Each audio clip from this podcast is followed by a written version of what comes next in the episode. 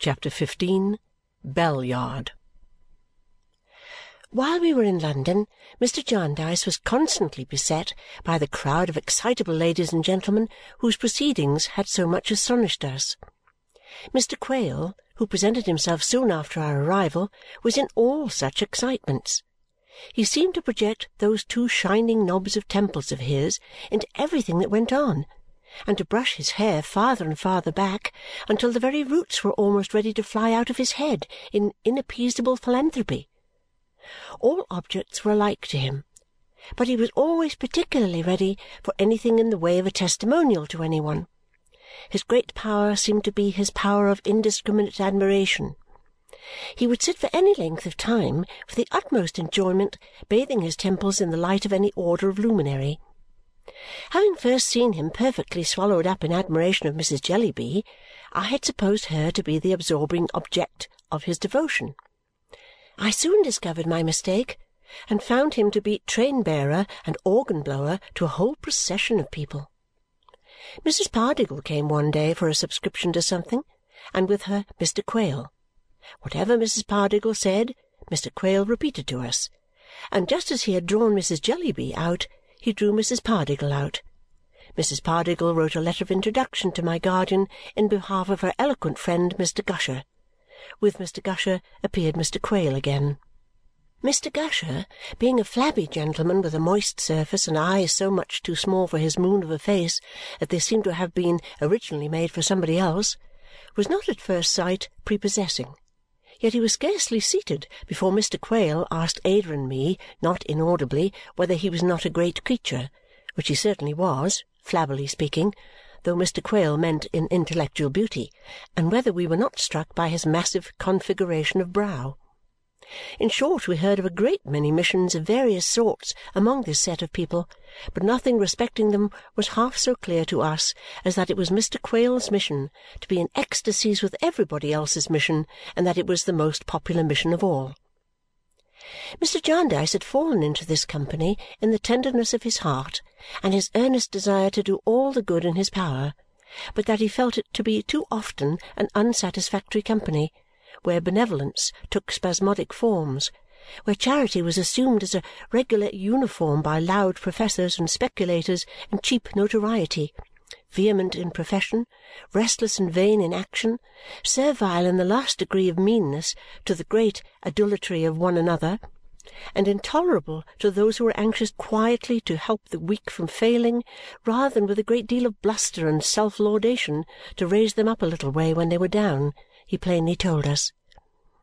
When a testimonial was originated to Mr. Quale by Mr. Gusher, who had already got one originated by Mr. Quale, and when Mr. Gusher spoke for an hour and a half on the subject to a meeting including two charity schools of small boys and girls who were specially reminded of the widow's mite and requested to come forward with halfpence and be acceptable sacrifices, I think the wind was in the east for three whole weeks.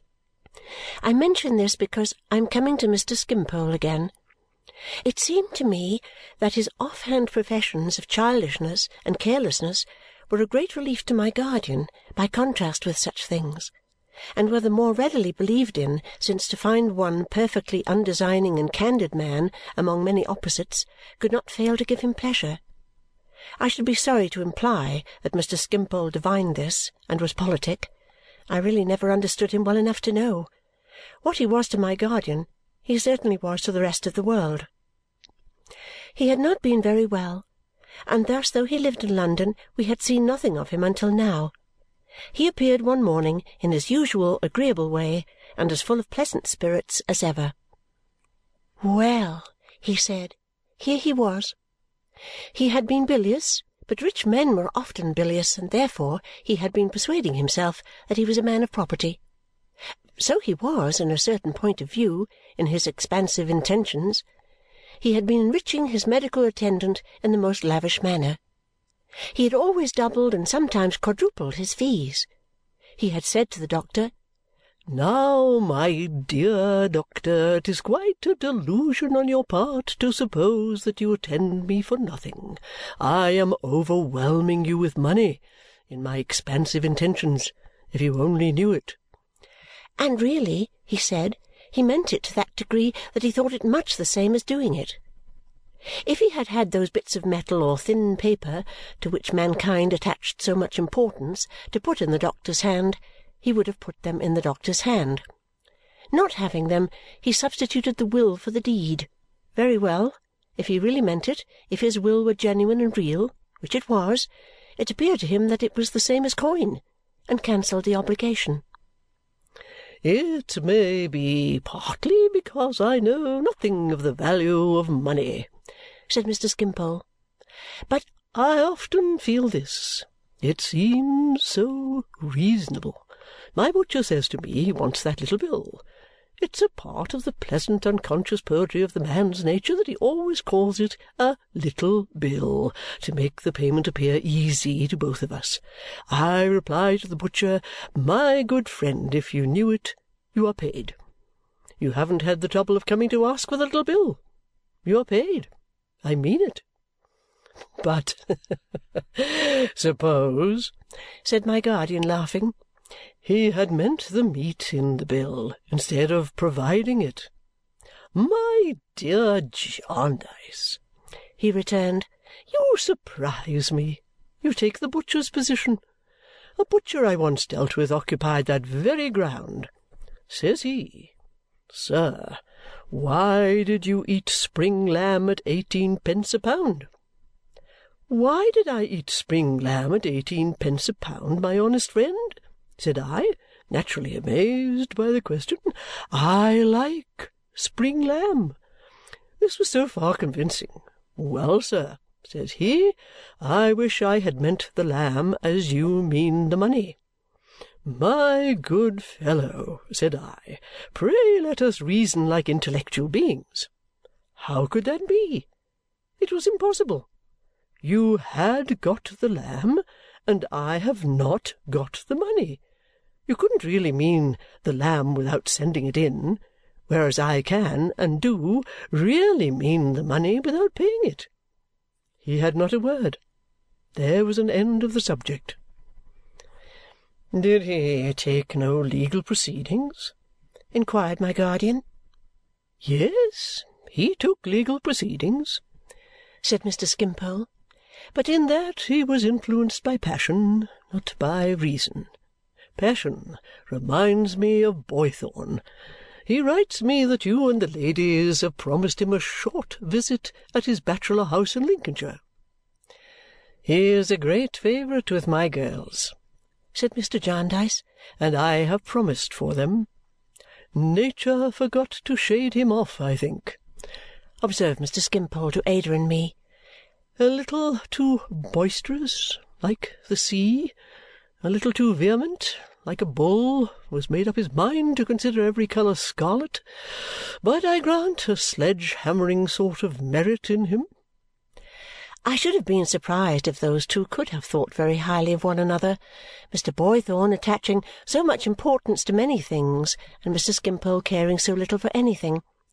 Besides which, I had noticed Mr. Boythorn more than once on the point of breaking out into some strong opinion when Mr. Skimpole was referred to. Of course I merely joined Ada in saying that we had been greatly pleased with him. "He has invited me," said Mr. Skimpole, "and if a child may trust himself in such hands, which the present child is encouraged to do, with the united tenderness of two angels to guard him, I shall go. He proposes to frank me down and back again. I suppose it will cost money shillings perhaps, or pounds, or something of that sort. By the by, Coavinses. You remember our friend Coavinses, Miss Summerson?" He asked me as the subject rose in his mind, in his graceful light-hearted manner and without the least embarrassment. "Oh, yes," said I. "Coavinses has been arrested by the great bailiff," said Mr. Skimpole. He will never do violence to the sunshine any more." It quite shocked me to hear it, for I had already recalled with anything but a serious association the image of the man sitting on the sofa that night, wiping his head. "His successor informed me of it yesterday," said Mr. Skimpole. "His successor is in my house now, In possession, I think he calls it. He came yesterday on my blue-eyed daughter's birthday. I put it to him, this is unreasonable and inconvenient. If you had a blue-eyed daughter, you wouldn't like me to come uninvited on her birthday. But he stayed. Mr. Skimpole laughed at the pleasant absurdity and lightly touched the piano by which he was seated. And he told me, he said, playing little chords where I should put full stops, the Coavinses had left. Three children, no mother, and that Coavinses' profession being unpopular, the rising Coavinses were at a considerable disadvantage. Mr. Jarndyce got up, rubbing his head, and began to walk about. Mr. Skimpole played the melody of one of Ada's favourite songs. Ada and I both looked at Mr. Jarndyce, thinking that we knew what was passing in his mind. After walking and stopping, and several times leaving off rubbing his head, and beginning again, my guardian put his hand upon the keys and stopped Mr. Skimpole's playing. "I don't like this, Skimpole," he said thoughtfully. Mr. Skimpole, who had quite forgotten the subject, looked up surprised. "The man was necessary," pursued my guardian, walking backward and forward in the very short space between the piano and the end of the room, and rubbing his hair up from the back of his head as if a high east wind had blown it into that form. If we make such men necessary by our faults and follies, or by our want of worldly knowledge, or by our misfortunes, we must not revenge ourselves upon them. There was no harm in his trade. He maintained his children. One would like to know more about this. "Oh, Coavinses!" cried Mr. Skimpole, at length perceiving what he meant. "Nothing easier. A walk to Coavinses' headquarters, and you can know what you will." Mr. Jarndyce nodded to us, who were only waiting for the signal. "Come! We will walk that way, my dears. Why not that way as soon as another?" We were quickly ready and went out. Mr. Skimpole went with us and quite enjoyed the expedition. It was so new and so refreshing, he said, for him to want Coavinses instead of Coavinses wanting him. He took us first to Cursitor Street, Chancery Lane, where there was a house with barred windows, which he called Coavinses' Castle. On our going into the entry and ringing a bell, a very hideous boy came out of a sort of office and looked at us over a spiked wicket. "Who did you want?" said the boy, fitting two of the spikes into his chin. "There was a follower or an officer or something here," said Mr. Jarndyce, "who is dead." "Yes," said the boy. "Well?" "I want to know his name, if you please. "Name of Neckett," said the boy. "And his address?" "Bell Yard," said the boy. "Chandler's shop, left hand side. Name of Blinder." "Was he I don't know how to shape the question," murmured my guardian. "Industrious?" "Was Neckett?" said the boy. "Yes, very much so. He was never tired of watching. He'd set upon a post at a street corner eight or ten hours at a stretch if he undertook to do it." "He might have done worse," I heard my guardian soliloquize. "He might have undertaken to do it and not done it. Thank you. That's all I want." We left the boy, with his head on one side and his arms on the gate, fondling and sucking the spikes and went back to Lincoln's Inn, where Mr. Skimpole, who had not cared to remain nearer Coavinses, awaited us.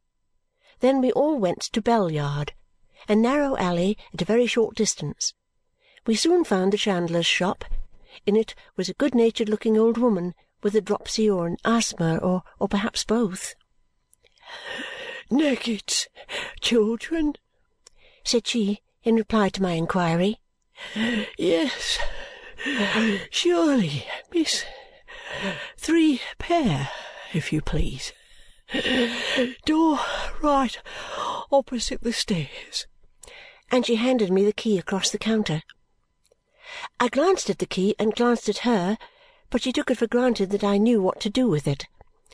As it could only be intended for the children's door, I came out without asking any more questions and led the way up the dark stairs.